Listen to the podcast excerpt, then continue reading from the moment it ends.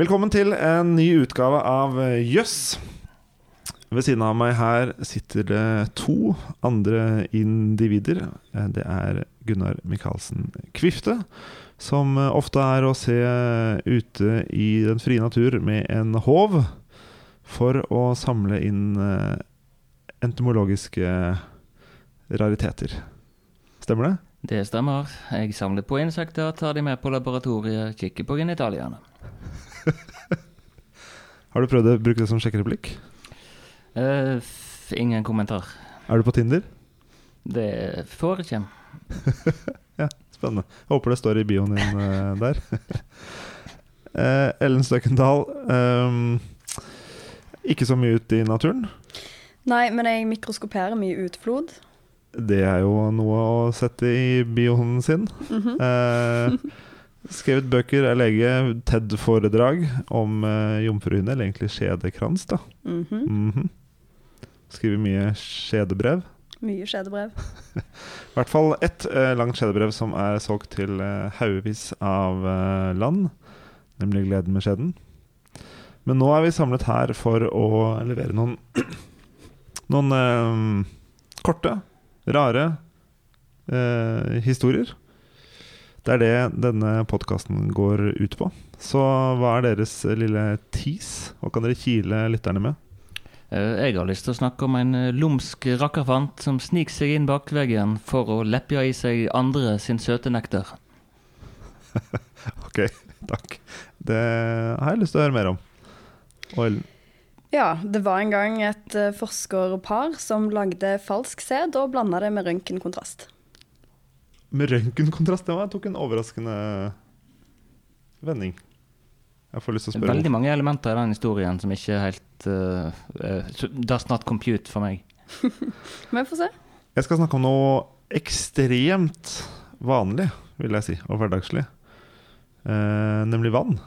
Men som jeg mener likevel er fullt av overraskelser. Så hva vil dere høre mer om? Jeg vil høre om falsk sæd og eh, røntgenkontrast. jeg, altså. Samme her. Definitivt. Take okay. it away. Da tar vi det litt uh, ut og starter med orgasmer.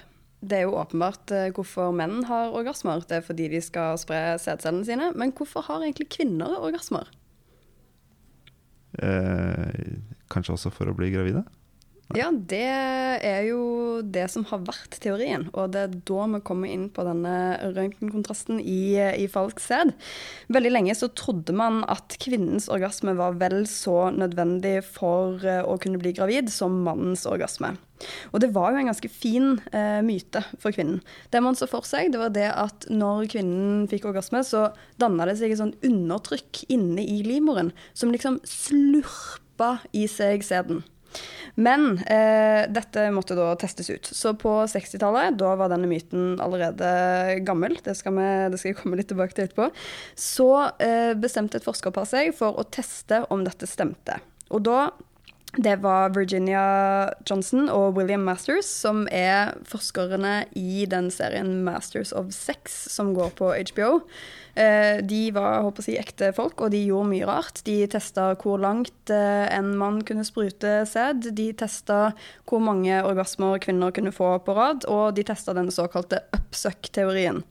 Hvor de lagde falsk sæd. Man kan finne oppskriften på hvordan man lagde denne her sæden på internett, hvis man er veldig interessert i det. Hva, har du noen ingredienser? Hva slags, altså, hvordan lager man Er det sånn Åh, jeg husker ikke. er, det- hand, men Handler det bare om at det skal være ufarlig for Nei, det, kvinnen? det, det det, handler om at det skal ha samme konsistens eh, som, eh, som sæd, men det er jo egentlig litt vanskelig, fordi eh, sæd endrer jo konsistens rett etter at det kommer ut. Først så er det flytende, og så blir det geléaktig, og så blir det flytende igjen etter en halvtimes tid. Og det, teorien bak det er at eh, sæden skal bli værende inne i skjeden til kvinnen såpass lenge at hun blir gravid. Hvis den hadde vært flytende med en gang, så hadde den sannsynligvis rent ut igjen. Eh, så det er grunnen til det. Men ja, eh, de lagde falsk sæd som skulle ha så god, så lignende konsistens som mulig. og Eh, plasserte det i en kopp sammen med røntgenkontrast. Satte dette rundt eh, livmorhalsen til, til kvinner som så onanerte på labben deres til de fikk orgasme. Og så tok de masse røntgenbilder av underlivet til kvinnene rett etterpå for å se om det var noe sånn slurping. Det var det ikke. Dessverre. Eh, kvinner eh, flest kunne jo kanskje ha fortalt dette til eh, menn på forhånd. For når jeg driver med seksualundervisning, så er det mange som blir overraska over at sæden på en måte renner ut igjen av skjeden etter sex. Det er mange menn som er sånn Hæ? For liksom forsvinner ikke det opp i systemet? Og da har man kanskje ikke fulgt så godt med. Nei. For det forsvinner ikke opp i systemet. Det er ingen slurpende livmor. Mange kvinner har jo også opplevd å bli gravide uten å få orgasme. Men eh, det var jo veldig fint med denne myten for kvinner. For i en tid med skyhøy barnedødelighet, med dårlig tilgang på fertilitetsklinikker, så var det et ideale for menn å få kvinner til å få orgasme for å kunne føre slekten videre. Så det var jo på en måte bra for kvinners seksualitet. Det var små sånne bøker skrevet av jordmødre som sirkulerte på landsbygda med gode tips for at eh, menn skulle mestre kunsten og få kvinner til å komme. Og den østerrikske prinsessen på 1700-tallet hadde en eh, livlege som sendte et uh, veldig fint brev til henne og hennes uh, ektemann, hvor det sto at henner, hennes aller helligste majestets vulva burde ki, kiles uh, før, før samleie for å øke sannsynligheten for, for graviditet. Og det er jo et fantastisk tips. eh, At hennes aller helligste majestets vulva altså burde kiles. Og det er det som om vi har glemt i dag. For eh, i dag er det ikke så mange som er opptatt av å kile vulva. Derimot så har vi eh, igjen en slags eh, myte om hvordan kvinnekroppen bør fungere, som stammer fra, fra 1900-tallet. Det er tanken om at kvinner bør få såkalte vaginale orgasmer fremfor klitorisorgasmer. Man har rett og slett et slags, eh, et slags hierarki av orgasmer i dag. Kan iallfall vise igjen til, til kvinneblader. eh, Og veldig mange kvinner kontakter Nina og meg og, meg, og er liksom bekymra for at de ikke klarer å få orgasme av vanlig samleie. Det er litt sånn man ser på vanlige Hollywood-filmer, at et par har samleie, og så kommer dama, og så er det liksom ferdig med, med saken. Men de fleste kvinner fungerer ikke sånn. Faktisk så er det bare sånn at én av fire kvinner klarer å få jevnlige orgasmer av, eh, av samleier, mens de aller fleste kvinner trenger at man stimulerer de ytre delene av eh, klitoris for å klare det. I en tidligere episode på denne podkasten snakket jeg jo om likhetene mellom klitoris og penis.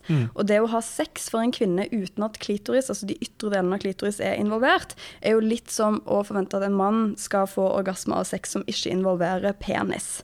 Eh, så likevel så, så er det mange kvinner som ikke føler seg bra nok når de ikke får, eh, får eh, orgasme. Og det kan vi ta tilbake til, eh, til Freud, den kjente psykoanalytikeren som bl.a. lanserte teorien om at kvinner som måtte ta på klitoris for å få orgasme, hadde en psykiatrisk tilstand, frigiditet, mens kvinner som var modne, voksne eh, kvinner, eh, de skulle klare å få, få orgasme av, eh, av samleie med, med en mann.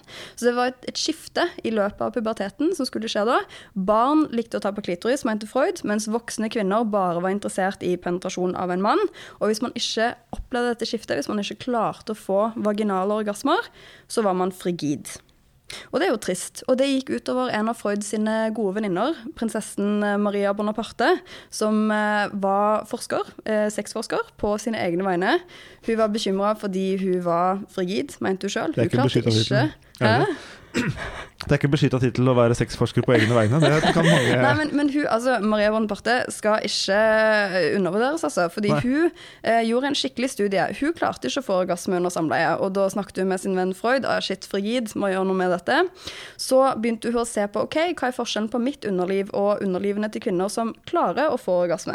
Og det hun da, ved å undersøke vel 243 kvinner sin eh, vulva, målte avstanden mellom skjedeåpningen og klitoris, så så hun at de kvinnene som hadde klitoris nærme skjedeåpningen, i større grad klarte å få orgasme under samleie. Fordi da blir jo klitoris stimulert av mannens underlivsben eller eh, mage under, eh, under samleie hvis man ligger tett eh, mot hverandre. Så hun tenkte sånn Aha, hva hvis jeg da flytter på klitoris? Ikke gjør dette hjemme. Oh, oh, Nei. Hun ringte sin eh, Eller hun ringte ikke, de hadde ikke telefoner på den, den tiden.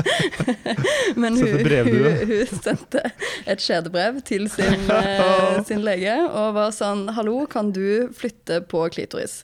Uh, og da var det liksom så nærme skjedeåpningen som, som mulig, som var målet. Så det gjorde legen. Funka ikke. Så gjorde legen det igjen. Funka ikke.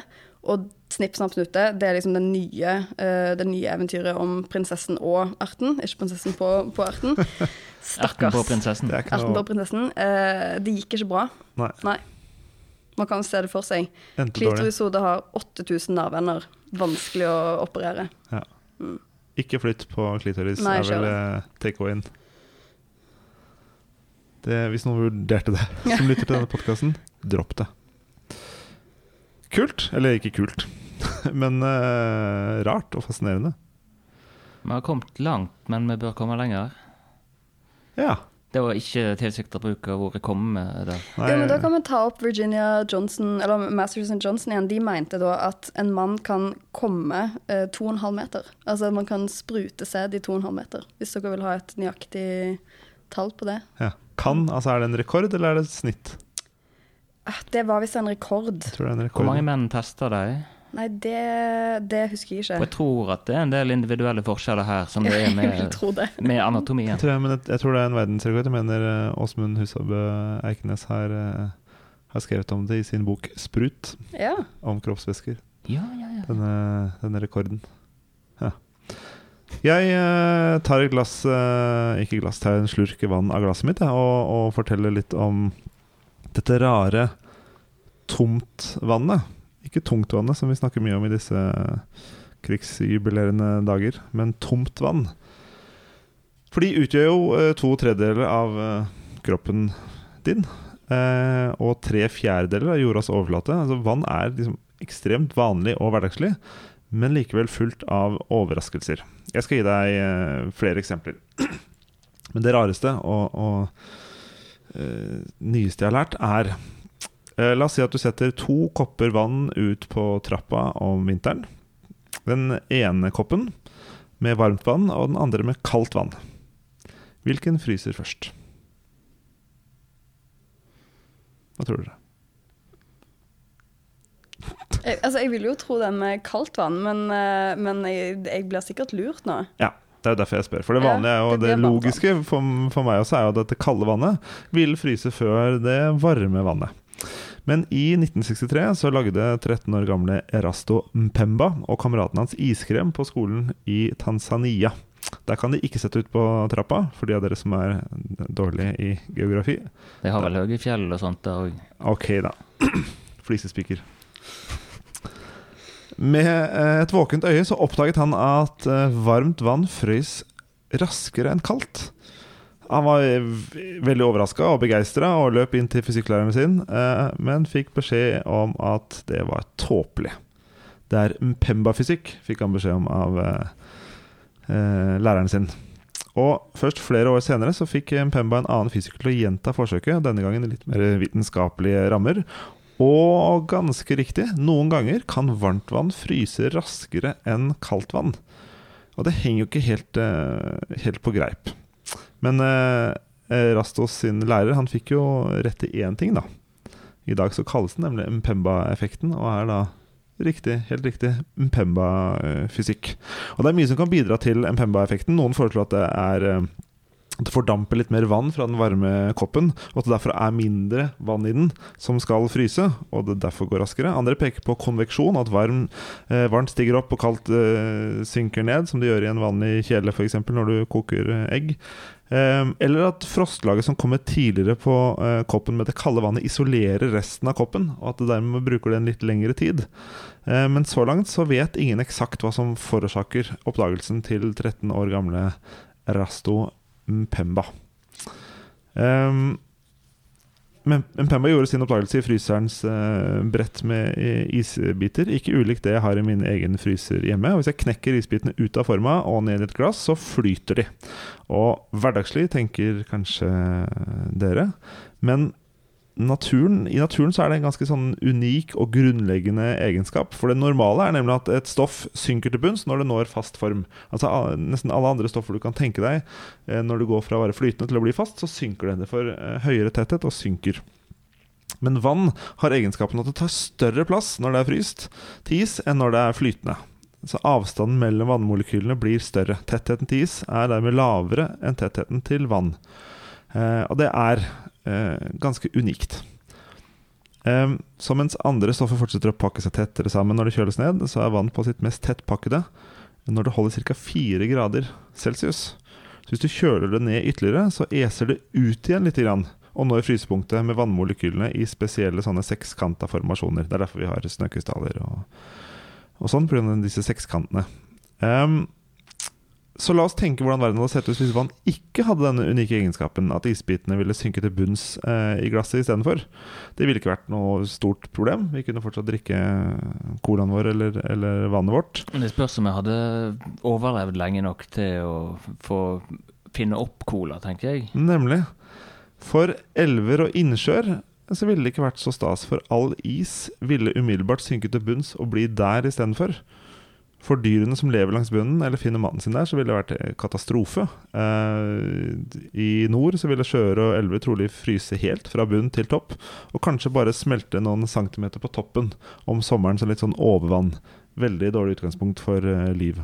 Og når vi i tillegg eh, vet hvor viktig vannet på kloden er for klimaet, at store vannmasser fungerer som varmebrønner, så er det ikke noen eh, tvil om at eh, det ville vært ganske utrivelig for oss mennesker også på denne eh, planeten. Så som du sier, det er ikke sikkert du eller vi mennesker ville funnet opp eh, Coca-Colaen eller noe annet. Eller om evolusjonen hadde funnet opp mennesker i det hele tatt. Nemlig. For vi kommer jo fra eh, bunndyr Eller fra akvatiske forfedre. Ja. Langt tilbake. Så hvis vann ikke hadde hatt denne unike egenskapen, eh, hvis det ikke hadde danna sekskanter med mye tomrom når det frøys til is, så ville du som hører på, kanskje aldri hørt på en podkast du ville ikke vært til, og ikke annet liv på jorda heller. Yes. yes. Noe å tenke på neste gang du eh, har isbiter i, i glasset. Men jeg vil veldig gjerne vite hvorfor det er sånn at uh, varmt vann frosser jeg vil også gjerne vite det, men da må du velge, velge deg fysikk istedenfor medisin. Nei, men det, er, det, skjer ikke alltid. Så det er ikke sånn at hvis alle her setter inn en kopp med, med nykokt vann og kaldt vann fra springen i fryseren, så, vil, så, skjer det alltid. Men det skjer av og til. da Man har prøvd å studere det ganske nøye, men ikke klart å finne nøyaktig hva det er som skjer. Og Derfor er det disse ulike hypotesene som kan stemme, men ingen av dem er på en måte bekrefta eller, eller veldig mye bedre enn enn de andre. Men hvis, hvor varmt må det være, da? For er det sånn at man på en måte, Hvis det må være så varmt at man har kokt opp mikroorganismene som uh, kokt de bort? Altså drept de som um, Det flyter jo vel fortsatt rundt som partikler. Så, det, ja, det, så hvor rent må vannet være? Må det være destillert, liksom? Eller? Eh, det hadde jo ikke en Pemma. Det er bare antageligvis mindre rent vann enn vi har uh, her i Norge, hvis vi snakker Tanzania i 1963. Men det, det pussige er jo at hvis du tegner en, en, temperaturskala for de to koppene, så starter den ene veldig mye høyere. Men i og med at den fryser først da, i noen til, altså i noen av forsøkene til Mpemba, så må jo disse to grafene passere hverandre på et eller annet tidspunkt. På et eller annet tidspunkt så må de ha samme temperatur. Og da er det veldig rart at den ene de, altså da, Der er de på en måte like da, i det punktet. Og så fortsetter den ene å synke mer enn den andre. Den som var høyest i temperatur, så møtes de to temperaturene et eller annet sted, på 40 grader eller på, nei, kanskje på 5 grader, eller et eller annet. Og så, og så, fortsetter den som har vært kokt. Det er som at vannet liksom vet at denne koppen har vært kokt, så den skal fortsette å fryse før den. Det, det, det er veldig Jeg får det ikke til å, til å henge helt på greip, men uh, Er det noe med akselerasjonsmomentum eller noe? Kanskje. Der, vet jeg, der hører det hvor lite jeg kan om fysikk. Ja, um, jeg, jeg, skjønner hvor du tenker, men jeg, eh, hvordan du tenker, men jeg får det ikke helt til å henge på greip, rett og slett. Og så syns jeg det er veldig gøy, da. Og at man alltid skal feire nysgjerrigheten og ikke avskrive. Det er lett å avskrive unge studenter som Du har bare ikke, du har ikke helt skjønt det. Man må alltid skal ta spørsmål og nysgjerrighet på alvor, da. Hva har du med? Uh, ja, Fortell videre. Jeg prøvde jo å være litt tabloid der og snakke om denne lumske rakkerfanten som lurte seg inn bakveggen. Nemlig? for å leppe i seg andre sin søte nektar. Og vi skal til blomsten og bien eh, ganske bokstavelig talt her. For eh, vi har jo alle hørt om denne relativt dårlige metaforen, mener jeg, eh, for, uh, for sex. da. Om at blomstene formerer seg gjennom at de får uh, De betaler insekter med sin nektar for at insekten skal ta pollen fra en blomst til neste blomst. Ja. Og eh, pollenet inneholdt jo spermiene til blomsten, og så skjer befruktningen i neste blomst, osv., osv. What's in it for me for uh, bia er å ta med seg pollen videre. Uh, ja, de får jo. De får jo pollen òg, som er veldig proteinrikt, og de eter litt av det. Og ja. så får de nektar, som er veldig eh, rikt på sukker, da, som blir brukt som drivstoff til å en energi da, til å fly, for det er jo ganske energikrevende, da. Ja, men jeg har lært at det er et samarbeid. Insektene gjør det for å få søt nektar. Eh, og så gjør blomstene gir fra seg nektar for å få eh, forplanta seg. Ja, som regel er det sånn, men det er jo et um, Det er mer komplisert enn som så òg, for det er ikke alle som er med på den transaksjonen på de premissene der at uh, jeg får uh, mat, du får uh, uh, forplanta deg. Eh, Som jo blir et litt problematisk bilde av sex, kanskje. å eh, lære bort. Men det, det, det kan vi ta en annen gang. Eh, jeg, jeg skulle snakke om eh, disse insektene som eh, bryter seg inn i blomstra og får i seg denne nektaren uten å gjøre en innsats. Nei. Eh, I Norge har vi noe som heter tjuvhumle. Passende navn, spør du meg. Ja, den stjeler nektar fra blomstene. Og da er det spesifikt blomster med veldig djup blomst, da. Som er avhengig av um, insekter med spesielt eh, lang tunge for å få pollinert seg. Du har f.eks. en humle som heter lushatthumle, som er Norges lengste humletunge. Den er spesialisert på lushatt, eller tyrihjelm, nå, Som er en eh, veldig vakker blomst med veldig dype blomster. Og det er jo lurt for blomsten å ha uh, dype blomster, fordi at da vil, eh, da vil de som har så lang tunge, eh, foretrekke de blomstene, for de har eh, da større sjanse for å, for å få nektar. De trenger ikke å konkurrere med så mange andre. Nemlig. Eh, Så det er et eh, ganske fint spesialisert samliv der, bortsett fra at du har sånne som tjuvhumler som kommer inn og, og finner en alternativ løsning, da. Så de eh, følger da ofte etter lushatthumlene. Lushatthumlen besøker en blomst som er djup, og da eh, Nei, hvordan blir dette, da? Eh, når den har besøkt blomsten, så er det jo ikke noe nektar der, nei. Nei. Eh, Men eh, tjuvhumla, den eh, gnager et lite hull i bunnen av blomsten. stikker inn tunga si og drikker nektaren fra den andre siden enn den den egentlig skal besøkes fra, da, fra, ut fra blomsten sine interesser. Ja. Så da får da, blir, da går blomsten tom for nektar, og får ikke overført pollenet sitt fordi at den uh, lushatthumla, den, den kan eh, identifisere blomster som har blitt uh, rana, og vil prøve å unngå å besøke dem. Så lusatomla går inn eh, Den går inn. hoveddøra og, og kjøper eh, brus og godis eh, med ærlige penger. Mens Ja. tjuvhumla den eh, sniker seg inn bak veien og, og stjeler med seg godsakene. Er det litt sånn? Det er litt sånn. Den er ganske smart, da. Ja, altså Evolusjonen er ganske smart. Ja, jeg liker å personifisere Ja, jeg- små jeg insekter. Men eh, det går andre veien òg. Det fins òg planter som utnytter insektene og ikke gjør noen ting tilbake. Ja, sånn kjøttetende planter. Nei, men eh, til pollinering. Oh, ja. Så du har uh, eh, Hva er det den heter, da? Uh, munkehette, tror jeg den heter. Høres jo egentlig ut som noe du driver på med. Det Nei, var litt sånn klitorisland. Ja, det hørtes veldig klitorisaktig ut. Eller nonnehette, kanskje. Jeg vet ikke. Men ja. den eh, eh, lukter da deilig forførende av møkk og kadaver, som mange insekter liker. Og uh, da kommer disse insektene, og, som da er små, hårete sommerfuglmygg, og tenker at fantastisk, møkk og kadaver, her skal jeg legge egg og få masse, masse flotte eh, larver til å Som jo er det man tenker feite. når man lukter møkk og kadaver. Ja, eh, mange insekter tenker det, da. Eh, Jeg tenker vel gjerne andre ting. Men, eh, eller jeg tenker her kan jeg gå og finne mange flotte insekter. Ja. Men eh, det er meg, da. Eh, Men istedenfor å finne møkk og kadaver, så finner han en blomst. Han glir gjerne på blomsten, og blir, eller hun glir gjerne på blomsten og blir fanga inne i der. Og må slite masse for å komme seg ut av blomsten igjen. Og eh, dulte borti masse sånn pollenbærere på veien. Blir dekt av pollen. Kommer seg ut etter et døgn med kamp eller der omkring, kan det være, i noen tilfeller. Fly, og er jo så dum da at den flyr videre til neste blomst som lukter møkk og kadaver, og går på samme smellen en gang til. Huh. Så det, det, er ikke det, dette, det er ikke alltid dette uh, samlivet mellom pollinator og blomst er så rosenrødt som en får inntrykk av. Nei. Men pollinatorer er veldig viktige, og blomster er veldig viktige. Så jeg vil fortsatt oppfordre til å uh, plante pollinatorvennlige blomster i hagen og sånn, og hjelpe humlene på den måten. Kan vi kjenne disse humlene du har snakka om? Kan jeg finne de i hagen min? har du mye tyrihjelm i hagen din? ikke så mye tyrihjelm. Det er lurt, for du har små barn og sånn, og de skal jo helst ikke eh, smake på tyrihjelmen, for den er ganske giftig. Aha. Men, men er, det, er det vanlig humletype? Ser det ut som en vanlig humle?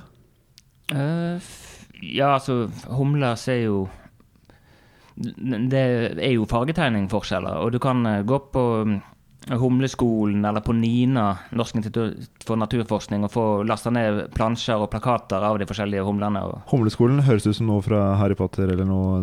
Altså, kan man gå på Humleskolen, eller er det et nettsted du snakker om? Det er vel et nettsted og en bok. Jeg er ikke helt uh, ja.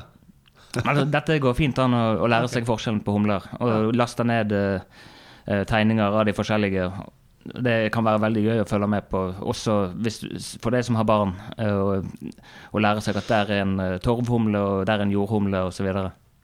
Jeg skal ta med mine unge på humleskolen en gang, kanskje når de blir litt eldre. Men hva, takk for fine historier. Hva, hvilken likte dere best? Eller hvilken fikk dere til å tenke jøss? Yes syns det er veldig gøy med han uh, unggutten som fikk uh, en hel grein i fysikken oppkalt etter seg. Ja, det syns jeg også. Ja. Ok. Da var det Mpemba som uh, nok en gang fikk uh, navnet sitt i historien. Heia Mpemba. Heia Mpemba. Og vi kan vel da ta med oss alle sammen at, at de fortellingene vi blir fortalt om humler og bier, både i dyreverden og i menneskeverden, ikke alltid er helt sånn Eh, de har blitt fortalt eh, gjennom historien. Eh, og at et Den kvinnelige orgasmen, ja. den er mystisk fortsatt. Er den så mystisk? Litt mystisk? Ja. ja. og at en, en, et glass med is skjuler mer enn det ser ut til. Takk for hyggelige tilbakemeldinger til deg som hører på. Fortsett å sende inn eh, forslag til eh, raringer eller rare fortellinger og historier vi burde sjekke ut. Høres en annen gang. Adjø. Ha det bra. Ha det bra.